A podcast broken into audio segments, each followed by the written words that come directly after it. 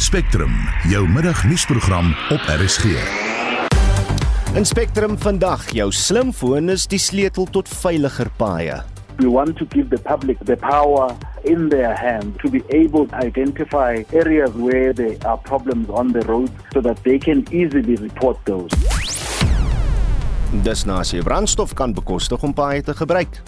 Luister hierdie petrolverhoging storie is nie grap nie.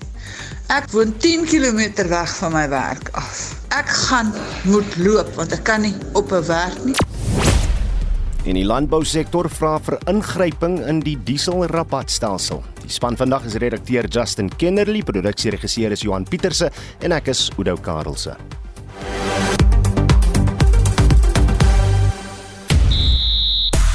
In Spectrum Sport meer as 15000 Britse pond reeds deur skadebefondsing ingesamel om Suid-Afrikaanse kriketspeler Mondli Khumalo wat in Engeland aangerand is te ondersteun. Die eerste gekeerde vroue speler by Roland Garros soek vandag 'n plek in die halffinale van die Franse Ope en Faf de Klerk en sy broekie sak en pak Japan toe volgende seisoen. 'n Volledige bulletin volg net na 12:30. National Shutdown is die nommer 1 hitsmerk vandag sover. 'n Landwyse staking word beplan weens die stygings in die brandstofprys. Die ander hitsmerk Fuel Price is ook 'n plek waar Suid-Afrikaners steen en been kla oor die prysverhoging. Dit is ook Happy Pride Maand en die LGBTQI gemeenskap fokus op hulle regmatige plek in die samelewing. In vandag se brandpunt vraag, reisigers spartel om alternatiewe vlugte te bespreek na Alkalula en British Airways vlugte met onmiddellike ingang opgeskort is. Nou baie mense is warm onder die kraag omdat die nuus bekend gemaak is ure na hulle goedkoper kaartjies beskikbaar gemaak het. Indien jy hierdeur geraak word, vertel ons jou storie en hoe dit jou reisplanne en finansies raak. Dan wil ons ook weet hoe die skerp stygings in die brandstofpryse jou lewenskoste raak. Laat jou werk jou nou toe om weer van die huis af te werk om geld te spaar. Hier is van die terugvoer wat ons reeds ontvang het. Ons kan nie meer kop bo water hou nie. Alles raak duurder en duurder. En ons sal later met geld staan in ons hande dan sal ons nie kan koop nie. Dit kom van Irene Snyman, malgas van Pearly Beach. Luister hierdie petrolverhoging storie is nie grap nie. Ek op my ouderdom, ek's in my 60s, woon 10 km weg van my werk af. Ek gaan moet loop want ek kan nie op 'n werk nie en dit is 'n werk wat jy nie van jou huis af kan doen nie. So ek gaan moet loop en jy weet dis donker in die nag om 10 km donker pad te loop is nie 'n grap nie. Nie op my ouderdom nie. Stuur vir ons 'n SMS na 45889. Dit kos jou R1.50 per boodskap. Jy kan ook op ons Monitor en Spectrum Facebook bladsy saampraat, asook op die Messenger toepassing vir ons 'n stemnota stuur. En die ander manier om 'n stemnota te stuur natuurlik is met WhatsApp na die nommer 076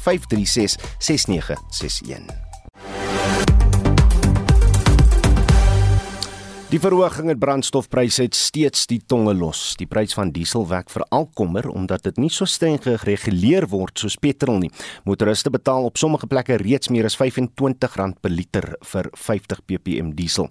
Die besturende direkteur van Agri SA, Christo van der Rede, sluit nou by ons aan vir 'n landbouperspektief. Middag Christo. Middag, ek vertrou dit gaan goed. Dit wel. dit kan ons bietjie debatteer, maar Gee gee vir ons net 'n uh, 'n uh, blik oor wat die verhoging in die brandstofpryse vir boere gaan beteken. Vir boere uh, hou dit ernstige implikasies in. Uh, dit stoot hulle kostes op en uh, dit lei ook daartoe dat hulle op een of ander manier daai koste, ekstra koste, uh jy weet aan die res van die waardeketting sal gaan deurgee. Onthou boere word ook gekonfronteer met ander uh verhogings. Kunsmispryse het deur die dak gegaan die afgelope tyd. Ek wil nie eens praat van verpakkingskoste nie, elektrisiteitskoste en dan ook arbeidskoste. En dan moet jy ook onthou die rentekoers uh jy weet is ook so tyd gelede met 50 basispunte verhoog. So uh, boere is redelik onder druk. Ja, uh die uh, ons weeromstandighede uh uh lyk goed, uh, goeie reëns gehad die afgelope tyd. Uh maar uh jy weet aan die insetkant hmm. en dit is waar ons groot uitdagings ervaar. Ja, net so vlugtelings, ons betaal soos ek sê op plekke R25 per liter vir 50 ppm diesel. Die diesel wat die boere nou gebruik is miskien nou net bietjie anders, maar wat betaal ons boere vir diesel? Is dit goedkoper as wat ons by die by die pompe betaal voor die rabat gebruik word? Ja. Uh onthou nou boere kan 'n dieselrabat van SARS terug eis. Nou hierdie uh, rabat het so wat rand 60 uh sent beloop. In ander woorde dit is wat die boer terugkry. Hmm. Sê byvoorbeeld die dieselprys is R20, dan kry hy dan uh R3.60 uh terug. Maar uh 'n tyd gelede het regering uh, die petrolheffing uh verlaag met R1.50. Hmm. So dit het daartoe gelei dat die dieselrabat dien ooreenkomstig met uh, tot R3.06 uh, eh, verlaag is. En dit is waarom ons baie spesifiek vir die regering vra dat uh, ons dalk dit moet oorweeg om die dieselrabat te verhoog sodat dit uh, vir boere meer lonend raak om kos vir die land te produseer. Want Oudo ons grootste vrees is dat 'n boer wat byvoorbeeld op 800 hektaar groente verbou, hmm. dat daai boer as hy sy somme gemaak het, dat hy dood eenvoudig gaan besluit maar dit is net nie ekonomies haalbaar om die 800 hektaar vol te plant nie. Hy skaal af of sy skaal af na met na 600 hektaar. En dan sit jy met 200 hektaar wat dan onbenut lê en wat ons nie kan benut of wat uh, jy weet wat nie hmm. dan uh, benut kan word om kos aan die land te voorsien nie. Nou nou tans kry ons boere wat 80% terug vir elke liter wat kwalifiseer vir 'n rabat. Bedoel dit dat dat daar nou julle 20% beweegruimte is of hoe? Uh nee, uh, uh soos ek vroeër gesê het, dit is 'n vasgestelde uh bedrag, jy weet uh, uh en ek dink uh, daai bedrag is gebaseer op die heffing. Hmm. Uh nie op die totale uh uh prys uh, wat wat gevra word vir petrol nie. Maar uh, dit is, is baie spesifiek op die heffingsgedeelte wat deel vorm van die totale dieselprys. Beskou Agriesa hierdie spesifieke ingrypings waarvoor jy nou vra as as volhoubaar. Onthou, uh, indien die regering met die een hand gee, dan gaan hy probeer vat met die ander hand. Hmm. Uh, dit is nou maar 'n gegewe. Want ons het ook gesien in die syfers wat bekend gestel word dat die regering, uh, jy weet, offer so wat 4 miljard miljard rand op in terme van hierdie uh verdere uh ehm um, uitbreiding van die ehm uh, heffing vir die volgende 2 maande. Maar wat ons probeer sê is is dat ons moet voedselsekerheid prioritiseer in die land. Op die oomblik is ons redelik uh jy weet goed toegerus in terme van ons mielievoorraad, in terme van ander kosvoorrade. Indien hierdie oorlog wel verder sal uh voortgaan en dit brei uit en dit raak 'n volskaalse oorlog tussen NAVO en uh, Rusland uh, dan gaan dit die hele uh, globale ekonomie onwrig tot die mate waar daar glad nie uitvoere en invoere tussen lande mag plaasvind nie of kan plaasvind nie. En dit is waarom ons nou moet seker maak dat ons Suid-Afrikaanse landbou sektor gerad is vir enigiets wat vorentoe kan gebeur. Maar dit kan net gerad wees as hulle die nodige ondersteuning kry, die nodige hulp van regering sodat ons kos op 'n bekostigbare basis kan voorsien aan die land. Christo, ons het gister met 'n ekonom gepraat en die vraag gevra op watter punt gaan dit nou vir boere uh, net 'n kwessie wees van dis nou nie meer die moeite werd finansiëel om te boer nie. Hy het gesê ons is nog nie daar nie. Hoe voel jy daaroor? Inderdaad, ek sal met hom saamstem. Ek dink uh uh jy weet in baie van ons uitvoersektore gaan dit redelik goed. Uh uh en uh ook jy weet uh, in terme van plaaslike produksie gaan dit ook redelik goed. Maar wat ons moet onthou is dat ons boer op skuld. Ons boere skuld ons finansiële instellings soos banke en landbank koöperasies so wat 200 miljard rand. Uh indien daai 200 miljard rand aan die einde van die dag nie gediens word nie. Met ander woorde, die boer is nie in staat om sy skuld te kan betaal nie dan hou dit ernstige implikasies in vir voedselvoorsiening, maar ook vir die boer. Ek sê altyd dit is nie uh, grond wat kos produseer nie. Dit is kundigheid en ons kan nie daai kundigheid verloor nie.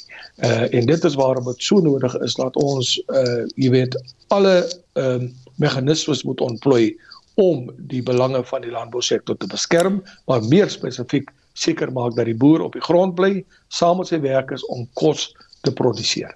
Reg, wanneer gaan julle nou formeel met die regering uh gesprekke hou om hierdie ingryping in die dieselrabatstelsel gedoen te kry? Kyk, ons uh, uh het uh nuusverklaringe uitgebring. Ons het ook skrywers aan tesorie. Uh ons het nog nie enige terugvoer van hulle afgekry nie, maar uh jy weet uh en ons uh, het interaksie met die minister van landbou. Uh ons as 'n organisasie glo daaraan dat ons om die tafel moet sit uh met regering in die ook uh, die regering in die oog kyk en met hulle gesprek intree want dit help nie jy maak geraas hier van die paviljoen hmm. af of jy probeer hierdie deur die draad soos 'n hond blaf nie. Uh jy weet sit om die tafel praat hierdie dinge uit en probeer uh rasionele uh, en en so laat jy toe dat rasionele denke seëvier aan die einde van die dag. Ons het gepraat daar met die besturende direkteur van Agri SA, Christo van der Rede. Die opskorting van Commerce se vlugte volg op die raad van die maatskappy se sake reddingspraktisyns en lei tot groot frustrasie onder voornemende passasiers. Hier is wel, ons gaan later oor uh, van julle ervarings hoor, maar wat nou? Marlenae Forsie doen verslag. Comair se bestuurshoof, Glen Osmond, sê die betrokke lugrederye kan eenvoudig nie die impak van die pandemie afskud nie. Our liquidity has been severely impacted by COVID. This was then made worse by the suspension of our flights in March, and now we have the sharp rise in fuel price. As of now, we've been unfortunately not been able to secure liquidity funding for the short term. In view of our liquidity position, we've been obliged to take this step, and we sincerely regret and apologize to our loyal passengers for the huge inconvenience. Affected passengers can apply for refunds, and we will keep everyone updated as soon as there are further developments. Die verkoop van kaartjies is ook opgeskort. Diegene wat kaartjies by British Airways gekoop het, kan die kontaksentrum per e-pos skakel by 'n contact center by comair.co.za en wat Kalula betref, kan jy e-pos stuur aan mn contact center by comair.co.za. Intussen is die vervoer-ekonoom Joachim Vermoten dit eens dat die mark nog nie herstel het nie dis baie moeilik vir die lugdiensbestuurders om te bepaal wat is die kapasiteit wat hulle met beskikbaar stel. Die gemiddelde aantal passasiers per vlug het egter al toegeneem tot uh, skuins so onder 100 per vlug wat 'n groot verbetering is teen die begin na Covid, maar nog steeds nie genoeg om gemiddeld 180 sitplek vliegtye uh, te vlieg nie. Dis op hierdie stadium onduidelik waar die hulp vandaan sal kom, maar vermoedens sê dis 'n goeie geleentheid vir rolspelers om uit te brei en dat hulp dus nie te ver weg kan wees nie.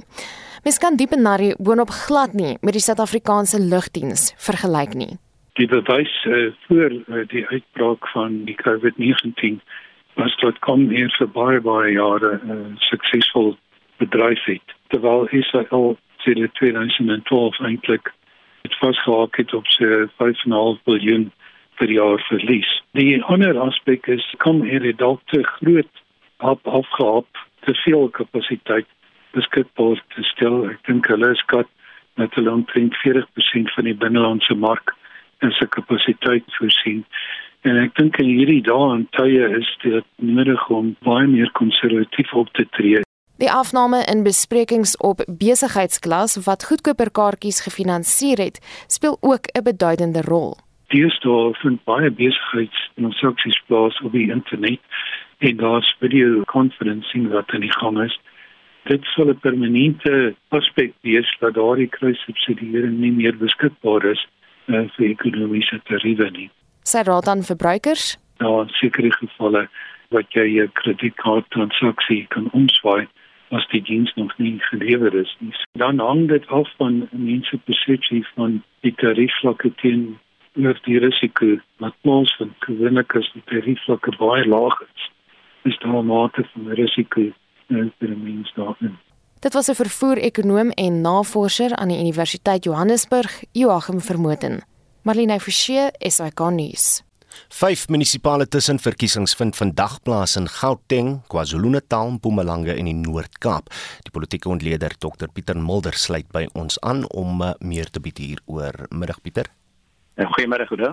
Hoekom is hierdie tussenverkiesing uh of verkiesings belangrik? Man kom ek sê dit is uh, oor 2 jaar is dit 'n nasionale verkiesing 2024 en alle aanduidings is dat die ANC in moeilikheid is en die groot vraag is gaan hulle onder 50% ingaan al dan nie. Nou al aanduiding wat jy het die volgende 2 jaar is die tussenverkiesings. Hoe vaar hulle in die tussenverkiesings in afval en dis hoekom mense moet groot oë kyk hierna. Jy kan dit nie heeltemal as 'n riglyn vat nie, maar dit gee mense 'n idee en in hierdie geval is al 15 wyke deur die ANC gewen by die vorige ronde. Hmm. Nou weet ons in Mei maand se verkiesings die EFF bevoel twee wyke afgevat in Noordwes van die ANC. So dis 'n vraag. Die ander vraag is die kwessie van Ramaphosa wat my betref se beeld op die oomblik. Jy weet hy veg om korrupsie uit te roei en dit verwelkom ons almal en die sondekommissie word gebruik daarvoor. Maar hy het 'n probleem deurdat hy daardeur 'n blik met wurms eintlik ANC wurms oopgemaak het tot nadeel van die ANC se beeld. Maar die ander wat ek kry is hy probeer die beeld red deur te verduidelik dat daar eintlik twee ANC's is. Met ander woorde die korrupte een van die Zuma jare en die skoon een van Ramaphosa. En die tussenverkiesing wil aantoon slaag hy daarin om te sê hier's twee ANC's. Hmm. Maar die gewone ANC kiezer sê vir my, jong, maar hy was dan deel van die vorige een ook, dis maar nog dieselfde een. En sien daai ligsloos moet kyk hoe lyk dit in hierdie tussenverkiesings waar al vyf plekke deur die ANC gewen was en waar hulle nou kan verloor ja. Uh, kyk jy spesifiek na een van hierdie tussenverkiesings om vir jou 'n duidelike aanduiding te gee oor, oor hoe dinge sal sal verloop in die nasionale verkiesing? Is daar een wat baie interessant is vir jou? Ja, wel tegnies dit drie is interessant, maar kom ek sê vir my die interessantste een is drie van die vyf. Die ander twee dinge gaan nie so interessant wees nie, gaan normaal wees, maar die die interessante een vir my is Soweto uiteindelik Soweto by 53 en uh, daar staan het uh, laaste die ANC daar redelik goed gewen. Uh, maar Action South Africa, Action uh, SA moet nou bewys of hulle werklik hulle steun gaan groei. Met ander hulle het laas keer goed gevaar daar. Hulle konsentreer in Johannesburg en die groot vraag is gaan die groei voort na die verkiesing. Nou die EFF het uh, so sê wyke gewen. Hy het laas 15% in daardie wyk gehad. Die vraag is wat gebeur? Gaan die stemme van die EFF meer word, minder of wat ook al? Gaan Action SA se meer word, ANC se minder en dit gaan 'n aandeling wees in daardie wêreld. Die DA staan ook daar, die dis vier partye wat daar staan. Hulle het laas 3% gekry. Ek kom sê 'n vraag, kan hulle groei in daardie omgewing want dit is hoofsaaklike Soweto wyk. So dis die een wat vir my interessant is. Die ander twee wat my interessant is is nogal Karreeberg en Noord-Kaap uh, en dan ook om hier in KwaZulu-Natal. En die rede hoekom is daar telkens was dit 'n uh, uh, onafhanklike kom ek sê plaaslike partye hmm. wat goed gevaar het in die vorige verkiesing. Nou Karooberg byvoorbeeld, nou dis 'n Karnavals omgewing in Noord-Kaap, het die ANC gewen met 31 stemme. Dis nou die vorige verkiesing 2021. Die tweede party was die Karooberg Civic Movement, KCM. En hulle het 50% steun gekry wat nogal verbasend is vir 'n plaaslike party, maar hulle staan nou weer. En die vraag is kan hulle ANC wen uiteindelik met die huidige soort soos hulle so goed gevaar laat wat dit bietjie mm. moeilik maak. Die Patriotic Alliance het nou ook 'n kandidaat daar gaan stel. En die ander een is dan Mboti, nou Mboti is in KwaZulu-Natal, nou onthou al hierdie plekke hier was nou besluit woord en al die goedes kan nou miskien daaroor praat. Mm. Maar daar het die ANC gewen met 43%, maar die tweede party was ABC. Nou dis die Abantu Batu Congress. Dit is eintlik gestig deur 'n ondersteuner van meneer Zuma, meneer Mabundla. En hulle het ongelooflik wat die ANC 32 43 gekry het, hulle 32 gekry persent en hulle staan nou weer 'n keer. So dis interessant om te kyk in daardie twee of hierdie plaaslike partye die stemme optel dat baie ANC's wat nie wil gaan stem nie wat vies is en 'n plek sal wegbly kan hulle hierso stem wat dit interessant sou maak om hierdie drie plekke op te hou uiteindelik ja. Ons minister moet nog wysigings aan die kieswet bring om onafhanklike kandidaate die kans te gee om op op uh, provinsiale en nasionale vlak te staan. Van wat jy nou gesê het, is is dit die neiging van die toekoms dat ons meer mense gaan sien wat as onafhanklik staan en miskien meer van hulle wat wat die die die, die knop gaan deurhak en sukses het. Op plaaslike vlak dink ek dis 'n beslisse moontlikheid dat mense wat so 'n plaaslike hoek vat, soos hierdie Karedo uh, civic movement wat sê ons kyk na julle probleme. Dink ek kan dit beslisse rol speel vorentoe die feit dat hulle so goed gevaar het. Ek is bietjie skepties of hulle regtig op provinsiale vlak en op nasionale vlak kan slaag. En die stelsel ongeag hoe jong gaan verander. Jy weet om in die parlement te kom het jy 45000 dit was laaste kwota stemme nodig om een persoon in te kry. Hmm. Nou vir 'n onafhanklike op nasionale vlak dit te kry, jy moet 'n baie bekende kunstenaar of 'n sportman wees of gesig hê voor jy regtig dit gaan reg. Miskien moet jy probeer slag en kyk of dit werk. Maar dis 'n probleem wat ek sien ongeag hoe jy die wetgewing maak. Is nie so maklik. Uh, en normaalweg as jy dink so polities met miljoene rande wat in so veld tog ingaan, dat jy nie 'n stadsraad vlak nodig het plaaslike vlak nie. Hmm. So ek het 'n vraagteken of op daai vlak dit ook sal kan regkry of nie ja. Moet jou vra en en jy het daan geraak, verwag jy enige probleme in KwaZulu-Natal waar die vorige wijkraad se uh, lid vermoor is? Ek hoop regtig nie so nie, maar dit is 'n verskriklike tendens. Jy weet in van hierdie vyf verkiesings, in twee van hulle is daar 'n verkiesing en 'n tussenverkiesing omdat die sittende ANC dit vermoor is. Nou die een is dan nou juist Mboti en die ander is Soweto. Nou Soweto is nie Mofokeng doodgeskiet uh, daar sprake van kampstige selfmoord het in sy kamer geskiet maar die, sy familie sê dit is net nie moontlik nie. Die geweer het links van hom gelê en hy is regs. So dit lyk soos 'n sluitmoord 'n politieke sluitmoord. En dieselfde nou word die waar meneer Lombo wat die kandidaat was net gestap het na 'n vergadering en doodgeskiet is en sonder twyfel speel politieke rol. En dis jammer en dis 'n wrede tipe politiek wat ek nie vir ons gun eintlik nie. Hmm. wat interessant het is in die verlede nogal van raadskiesverkiesings gehou is waar iemand dood is het die sittende party nogal 'n simpatie steun gekry. Nou die vraag is of dit Johannesburg en en en jy gaan help daarmee saam. Maar uh, ek dink dit sê iets van waaroor gaan dit? Gaan oor faksiegevegte binne onder die ANC, maar dit gaan ook oor salaris. Jy weet in in ander lande is my ervaring jy word ryker of jy word gevestig en dan gaan jy politiek doen. By ons word jy ryk deur die politiek en as jy die sit die setel het, is dit so belangrik om te hou want dit is belangrik vir inkomste en dan skiet iemand anders jou dood om jou plek te neem. En dis 'n slegte situasie en ek hoop regtig dit gaan beter word vorentoe. En dit was 'n politieke ontleder Dr Pieter Mulder. Suid-Afrikaners moes die jaar reeds 24 dae se beerdkrag tot trotseer. Eskom se woordvoerder Skonati Manchanja deel egter vandag 'n tikkie goeie nuus. Following 5 months of vigorous testing and optimization, Eskom is pleased to announce that Unit 4 of the Kusile Power Station project was yesterday handed over to the Generation Division to formally be part of the commercial fleet of ESCOM power stations. This handover marks another milestone in ESCOM's efforts to stabilize the power system in that it has formally handed a much needed 800 megawatts to the country's power system. The unit was connected to the national grid for the first time on the 23rd of December 2021.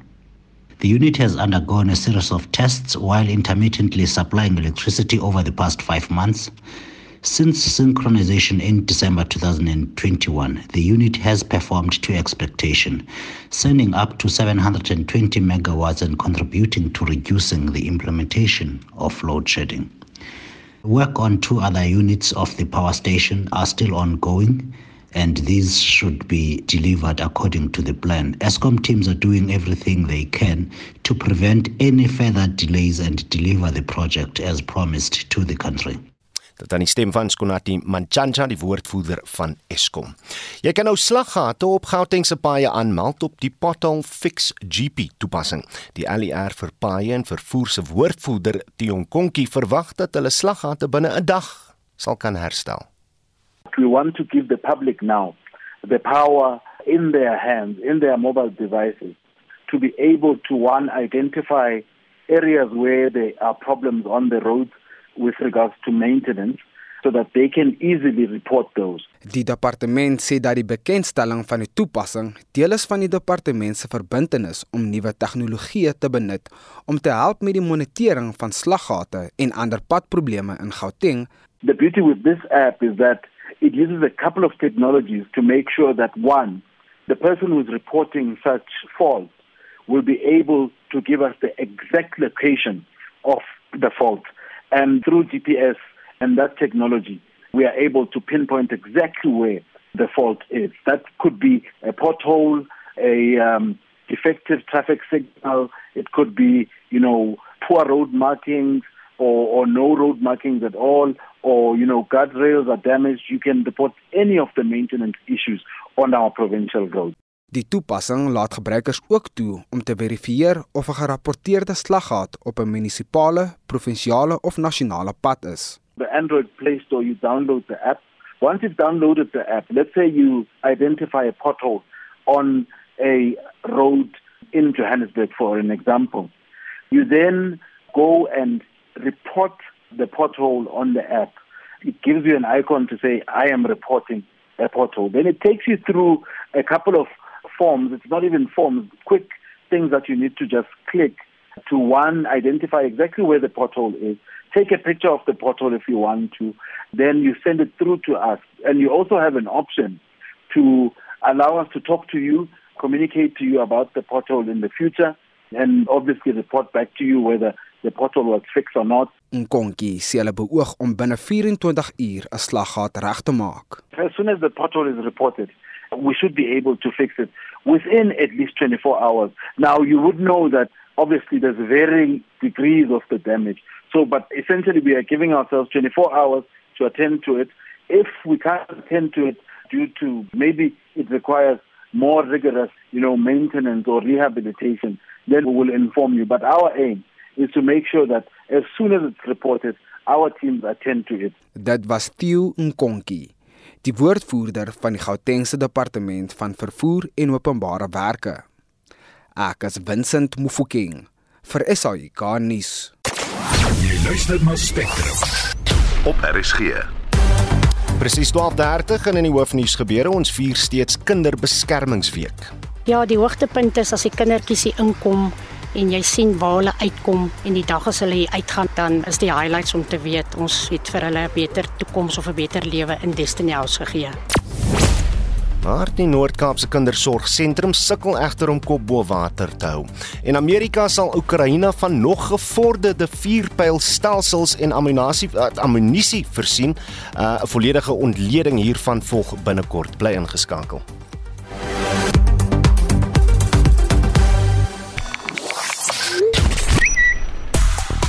Op Twitter braak mense gal omdat Comair al sy vlugte Kulula en British Airways in kluis opgeskort het. En dan kan mense nie uitgepraat raak oor Rafael Nadal se sege oor Novak Djokovic in die kwart eindronde van die Franse Ope nie. Ons praat juis oor daardie vlugte van Comair wat gekanselleer is. Nou uit George skryf iemand op die SMS lyn in Engels: I have a flight ticket on British Airways. Flights are now cancelled. Will I be refunded? How are the airways going to raise capital to start operating again? Nou daardie luisteraar, jy kan 'n e-pos stuur aan BA Contact Center by comair.co.za. So jy kan bietjie vir ons meer inligting daar gee as jy geraak is. Dan wil ons ook weet hoe gaan die skerp stygings in petrol en diesel jou lewenskoste raak? Hier's van die terugvoer wat ons op WhatsApp ontvang het. Hierdie petrolpryse gaan ons ook klaarmaak, maar gelukkig ons gaan 10 harnaste maak Want ons het 10 kinders wat in die oggende saam met ons ry. Dan gaan ons hulle voor die bakkie inspan en dan spaar ons baie geld. Dan sleep hulle ons tot by die skool en dan kan ons vir hulle wag en dan sleep hulle ons weer tot by die huis. Wat is dit met die Suid-Afrikaners wat in alle koste met die grootste en die duurste motors moet ry? En baie kere net een in 'n voertuig moet ry. Hoekom kan ons nie soos van die ander lande maar op poegies in klein motorfietsies en sulke goed begin commute nie. Niels wat praat van Noordewel, ek is 'n langafstand vragmotorbestuurder. Die brandstofheffings, dis belaglik. Dit kos my op die stadium R15000 om die lorry vol diesel te maak, waar dit in die verlede hier by die R9000 gewees het vir die prysverhogings. Hierdie verhoging brandstofpryse raak ieder en elk. Kos raak duurder mense wat werkers gehad het soos ek myself gaan nou nie elke dag een kan gebruik nie. Inkopies moet ons op ons naaste groot dorp gaan doen op Graafrenet. Maar ek wil vir elkeen sê moenie moed verloor nie. Wanneer die nag op sy donkerste is, dan is uitkoms op sy naaste. En wie die Here vertrou, hy sal nooit teleurgestel word nie maar dan ook heelwat moedeloosheid op die SMS-lyn soos die luisteraar wat sê wat van ons SASSA mense laat die minister vir ons kom wys wat koop 'n mens met die pensioen dan kom er nog die karlisensie krag en ander onvoorsienbare onkoste ook nog by Jy het nog tyd om saam met ons te gesels. Ons hoor graag van jou met 'n SMS, kan op Facebook saamgestel, selfs of stuur vir ons 'n stemnota. Ons sien uit daarna. Ons begin met 'n brokkie nuus oor die toestand van Suid-Afrikaanse kriketspeler Mondli Khumalo in 'n sportbulletin. Die goeie nuus is dat sy toestand bestendig is alhoewel hy nog steeds in 'n koma verkeer. Khumalo wat twee wêreldbekers terug vir die SA onder 19 span uitgedraf het, speel die afgelope seisoen vir 'n klub in Somerset in Engeland. Toe hy na oorwinning Saterdag 'n fees vier het by 'n plaaslike kroeg Dis toe hy nou deur 'n 27-jarige man aangerand is. Die man is in hegtenis geneem, maar moet nog in verband met die voorval verskyn. Ons het net voor vandag se besoektyd in die hospitaal aan Komalo met sy agent Rob Humphries gesels. Mondley suffered a severe skull fracture. That skull fracture has resulted in a number of bleeds on the brain, and the doctors have required to operate a third time as of Tuesday to remove those bleeds on the brain. But in positive news, they have all been removed. The doctors are as happy that those surgeries have gone as well as they can. And in the 12 hours since the last operation, at the time we're speaking, Mondley has been very stable 'n Skadebefondsingblad wat intussen deur sy klub van stapel gestuur is, het reeds 15000 Britse pond ingesamel om Mondley en sy familie by te staan. Intussen het die nuwe afrigter van Australië se manskriketspan, Andrew McDonald, positief getoets vir COVID en kon toe nie met die span vertrek vir 'n toer na Sri Lanka toe nie. Hy sal na 'n periode van isolasie by die span aansluit wat betyds sal wees vir die tweede T20 wedstryd in hulle op opkomende reeks. In tennisnuus staar die eh, voorste gekeerde damespeler by Roland Roland Garros se geleentheid om 'n moontlike semifinaal in die gesig. Iga Swiatek van Pole speel net na 1 uur vanmiddag teen die 11de gekeerde Jessica Pagula van Amerika. Die Russe Daria Kudermetova en uh, Daria Kasatkina Kina uh, spook dit tans uit uh, in die ander kwart eindstryd. Die jongste telling daar is 3 potte elk in die eerste stel. In die mans kwart eindstryd speel Andrei Rublev teen Maran Cilic. Die wedstryd begin half 3 terwyl uh, Ruud teen Holger Rune te staan kom die uh, in die dag se laaste mans enkels wedstryd en dis net na half 9 vanaand reeds deur na die semifinaal is Rafael Nadal en Alexander Zverev. In rugby nuus sê dit vandag begin geword dat bokskrimskakel Faf de Klerk volgende jaar sy talente en miskien ook sy broekie sal inspann by Yokohama Cannon Eagles van Japan. Hy verlaat dus sy huidige span die Sail Sharks om te volg in die voetstappe van spelers soos uh, Pieter Steff Totoy, Lucanio Am, Willie Leroux en Malcolm Marx, uh, wie almal werksaam was die seisoen in dieselfde land waar hulle in 2019 die Wêreldbeker gewen het. En as jy nou nog nie gehoor het nie, ehm um, Ja, organiseerders het dit laat gisterand bekend gemaak, die toernooi, die sewes toernooi Die Kaapse Sewe, hy's terug van die 9de tot die 11de Desember by die ikoniese Kaapstad Stadion. Ek is seker mense gaan nou al kaartjies daarvoor soek. Van dese week is Kinderbeskermingsweek. Noord-Kaapse sentrums wat na verlate en kwesbare kinders omsien, kry egter finansiëel swaar. In Kimberley sukkel sentrums soos Destiny House om hul deure oop te hou weens 'n gebrek aan fondse. Hulle ontvang tans geen hulp van die regering nie en pleit by gemeenskapslede om borgskappe. Vincent Mofokeng doen verslag. Destiny House 'n Kimberley-gebaseerde nie-regerende organisasie wat na kwesbare en verlate kinders omsien, is in 2016 begin. Die stigter, Lisa Graaf, sê die versorging van verlate en mishandelde kinders lê haar na aan die hart. Destiny House het ons oopgemaak in 2016 en ons vat kindertjies in is op die oomblik 8 kinders. Ons vat kindertjies in van babetjies tot en met 5 jaar net voor hulle moet skool toe gaan ons hardloop die die House net op donasies vir die kinders en ons sorg vir hulle tot en met daar vir hulle 'n beter huis is of daar's familie of iets dan gaan hulle uit by House. Graaf sê die huis maak tans staat op een borg wat nie genoeg is nie. Ja, ons is al redelik lank oop en ja, die hoogtepunt is as die kindertjies hier inkom en jy sien waar hulle uitkom en die dag as hulle hier uitgaan of dit nou na familie toe is, pleegouers toe of of na 'n volgende kinderhuis toe dan um, is die highlights om te weet ons het vir hulle 'n beter toekoms of 'n beter lewe in Destiny House gegee. En ja, die die die probleme of die goedjies wat ons regtig ondervind is ons hardloop maar op donasies. Destiny House is net donasies. Um ons ons embleem voor sê ook sponsor by God kinders van God. So ons hardloop net op donasies. Graaf sê in haar ervaring word kinders gereeld mishandel in die Noord-Kaap, maar dat Destiny House hulle huis is. Ja, die kinders wat so aangerand word en verniel word is regtig dit is ek werk self by die polisie, so ons sien dit elke dag, ons lees dit elke dag. Dit is regtig nie baie maklik. Dit is nie lekker en jy sien ook sien die kindertjies wat hier inkom. Ehm um, as gevolg van ehm um, of dit nou verkrachting is en of dit nou aanranding is of net net let is. Dis dis regtig nie 'n goeie gesig om te sien nie, maar 'n week of 2 of 3 by ons, dis 'n huis, dis hulle huis. Baie van hierdie kinders ken net vir Destiny House. Ons het twee kinders van vanaf 6 maande hier by ons is. Hulle word nou amper 4. Destiny House is hulle huis. Dis wat hulle ken. Dit was Lisa Graaf, die stigter van die nuwe regerende organisasie Destiny House wat na verlate en kwesbare kinders omsien. Vincent Mufokeng SAI Garnis. Die premier van Noordwes, Bushi Mape, verskyn vandag voor die wetgewer se portefeulje komitee om die komitee op hoogte te bring van vordering wat gemaak is rakende dienslewering. Vir meer praat ons nou met professor Theo Venter, 'n dosent in praktyk aan die College van Besigheid en Ekonomie aan die Universiteit Johannesburg. Middag Theo. Goeiemôre. Kan ons help? Ek hoor jy soek 'n nuwe vlug.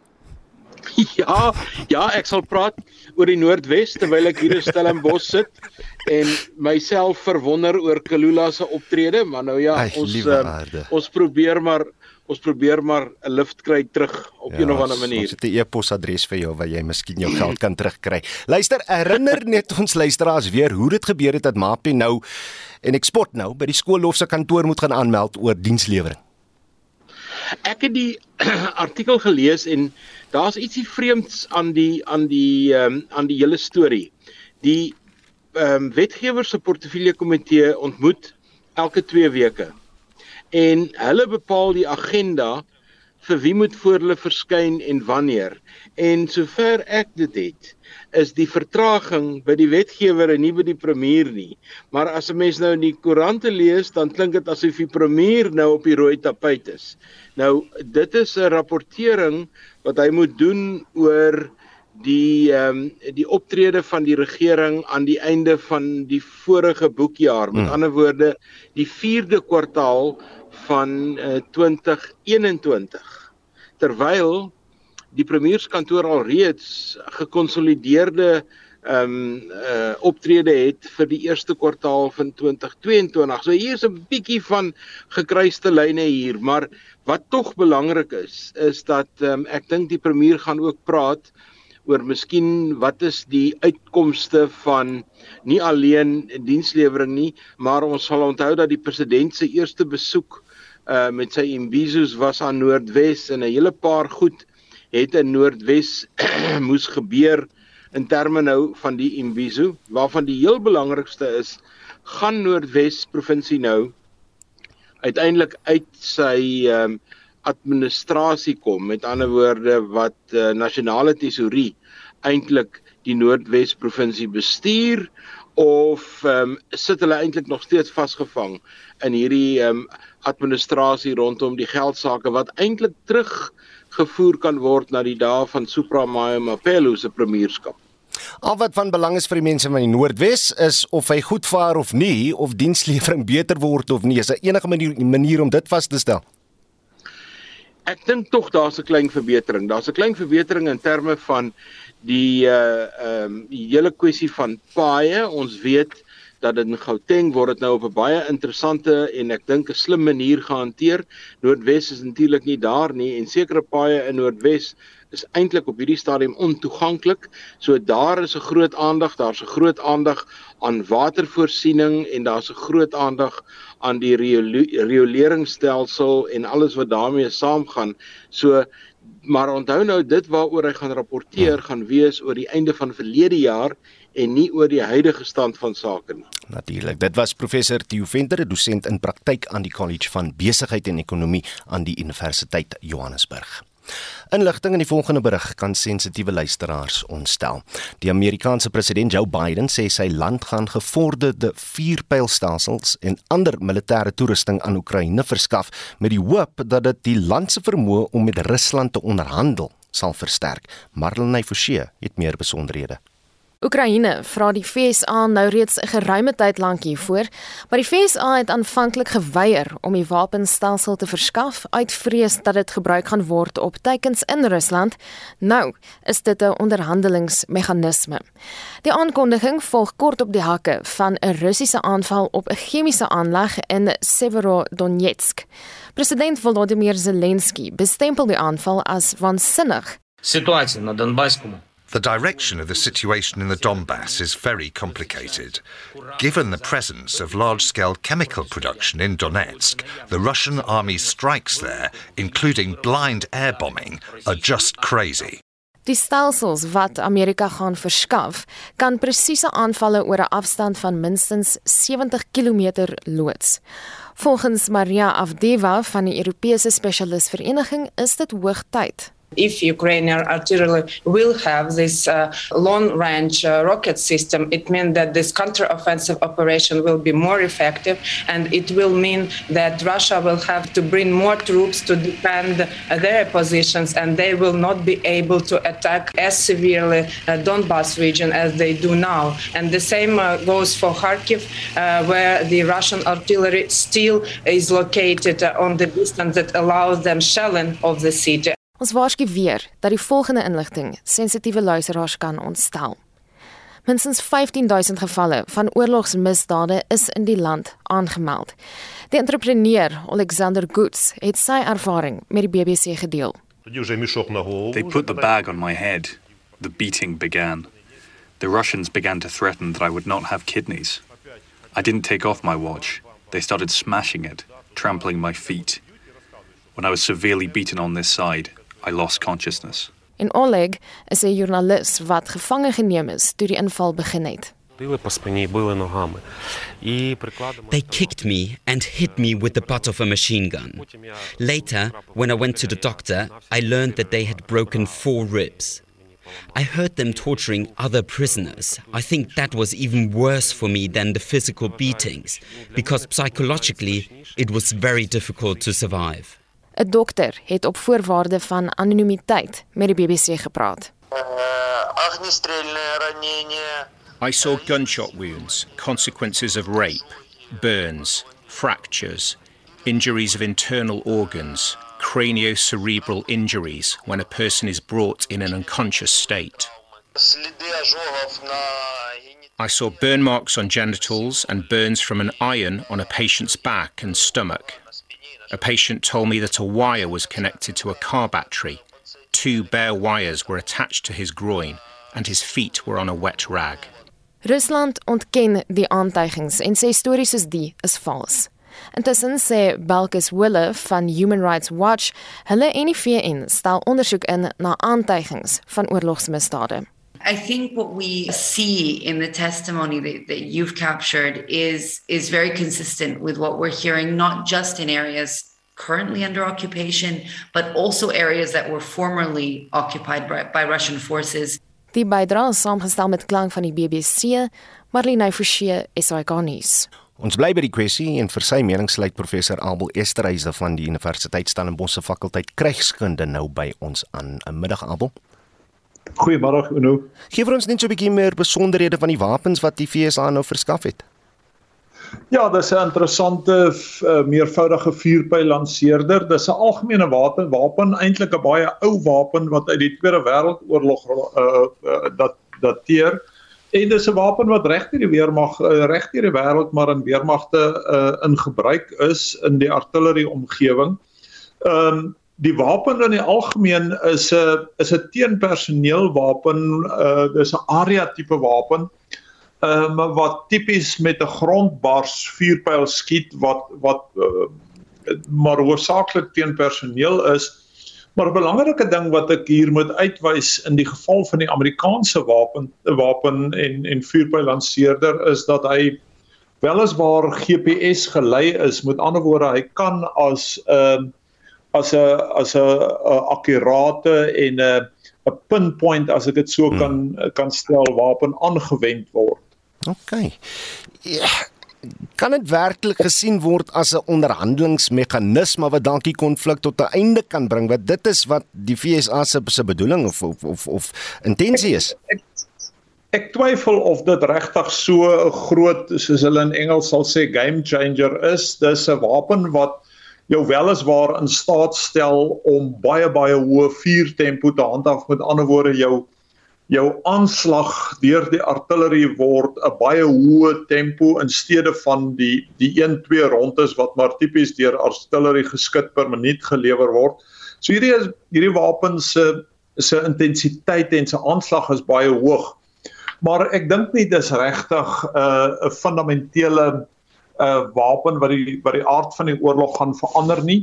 Wat die aard van die oorlog aanbetref is dit baie interessant ehm um, dat die die Oekraïners trek nou terug en hulle gee eintlik toe aan die die Russiese veldtog uh, wat aan die aan die gang is uh en hulle is besig met teenoffensiewe in die uh, Kharkiv in in Kherson omgewing en dis interessant want dit dui daarop dat die Oekraïners die die die aard van die geveg dikteer. Hulle laat hulle nie vasvang in waar Rusland met die offensief aan die gang is en waar hulle eintlik blootgestel is uh in die Severodonetsk omgewing nie, maar dat hulle die die die inisiatief neem en die geveg na die Russe toe wil neem in die omgewing waar dit geografies uh, vir hulle baie beter is om tot die offensief oor te gaan.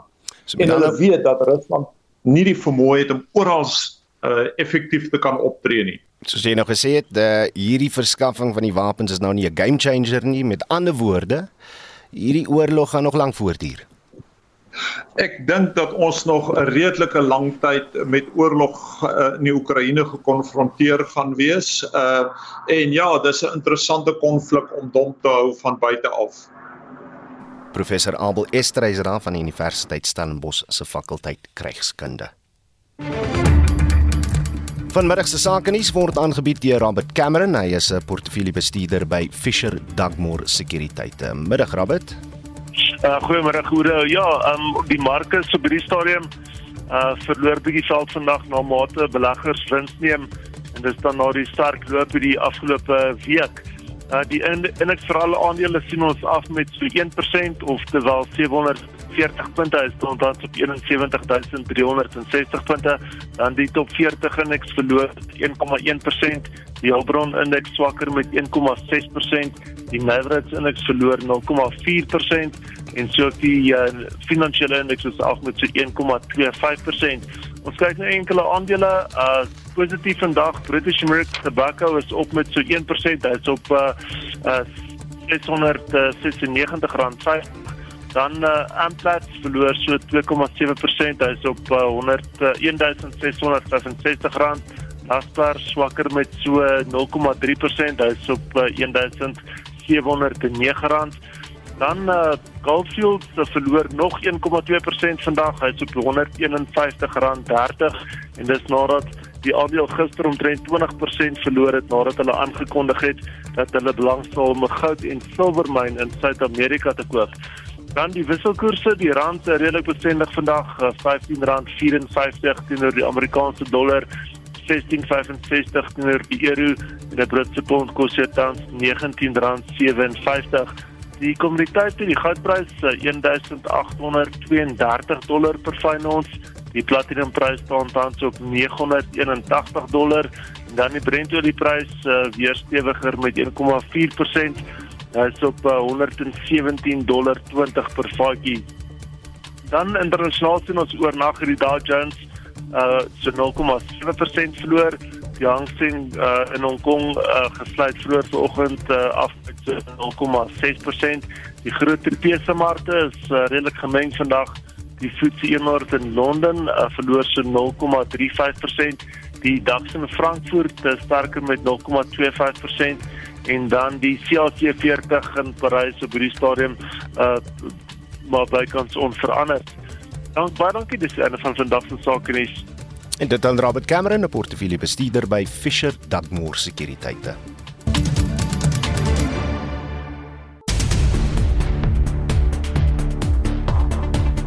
Hulle sê so 'n Iwa moordsaak is op al wat die televisieskerm is hier uh, by die SAIK, maar Lenay, maar wat is van die ander hoofnuus gebeure van die afgelope uur? Die verhoogde brandstofprys veroorsaak nie net kommer onder verbruikers nie, maar ook in landboukringe. Die besturende direkteur van AgriSA, Christo van der Rede. Onthou boere word ook gekonfronteer met ander verhogings. Kunstgraspryse het deur die dak gegaan die afgelope tyd. Ek wil nie eens praat van verpakkingskoste nie, elektrisiteitskoste en dan ook arbeidskoste. En dan moet jy ook onthou die rentekoers is ook so tyd gelede met 50 basispunte verhoog. So uh, boere is redelik onder druk. Comair vra intussen om verskoning vir enige ongerief aan passasiers nadat Kulula en British Airways se vlugte gisteraand laat gekanselleer is. In view of our liquidity position, we've been obliged to take this step, and we sincerely regret and apologize to our loyal passengers for the huge inconvenience. Affected passengers can apply for refunds, and we will keep everyone updated as soon as there are further developments. Die premier van Noordwes, Bushimape, verskyn voor die wetgewer se portefeulje komitee oor vordering rakende dienslewering in die provinsie, professor Theo Venter, dosent aan die Universiteit Johannesburg. Ek dink die premier gaan ook praat oor miskien wat is die uitkomste van nie alleen dienslewering nie, maar ons sal onthou dat die president se eerste besoek met sy imbizos was aan Noordwes en 'n hele paar goed het in Noordwes moes gebeur waarvan die heel belangrikste is, gaan Noordwes provinsie nou uiteindelik uit sy administrasie kom. Dan het ons vroeër verneem dat leerdlinge aan die hoërskool Teenisin in die Vrystaat vroeër vanoggend moes huis toe gaan weens protesoptrede in die omgewing. Ons het intussen met die skool bevestig dat alle leerdlinge veilig is en dat daar kalmte heers op die skoolterrein. En op passasierspooragentskap Prasa verwelkom die vonnis van een van sy voormalige werknemers wat koperdiefstal van 1 miljoen rand gepleeg het. Nou die voormalige werknemer, Spiwem Gadi, en 'n medepligtige pligtige is in 2018 op heterdaad betrap. Nuus van 'n ander aard, as jy nou nog nie gehoor het nie. 'n Ligte vliegtyg het 'n noodlanding uitgevoer op die R44 in Stellenbosch in die Wes-Kaap. Nooddienste is op die toneel, geen sterftes of beserings is aangemeld nie, maar die pad daar is nog toe vir verkeer, so vermy dit asseblief terwyl verkeer herlei word.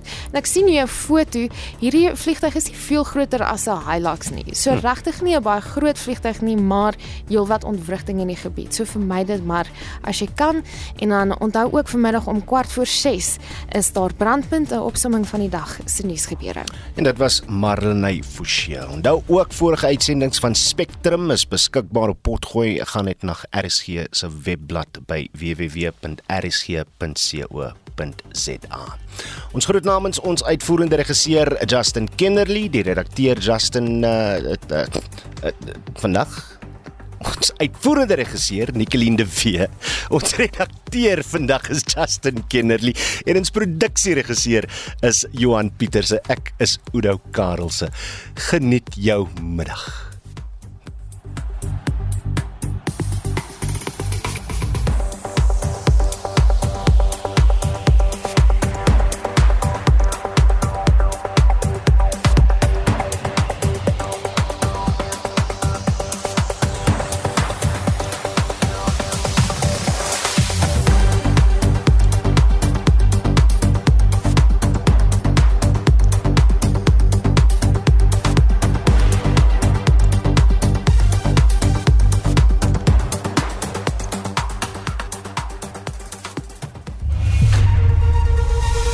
SAK nuus.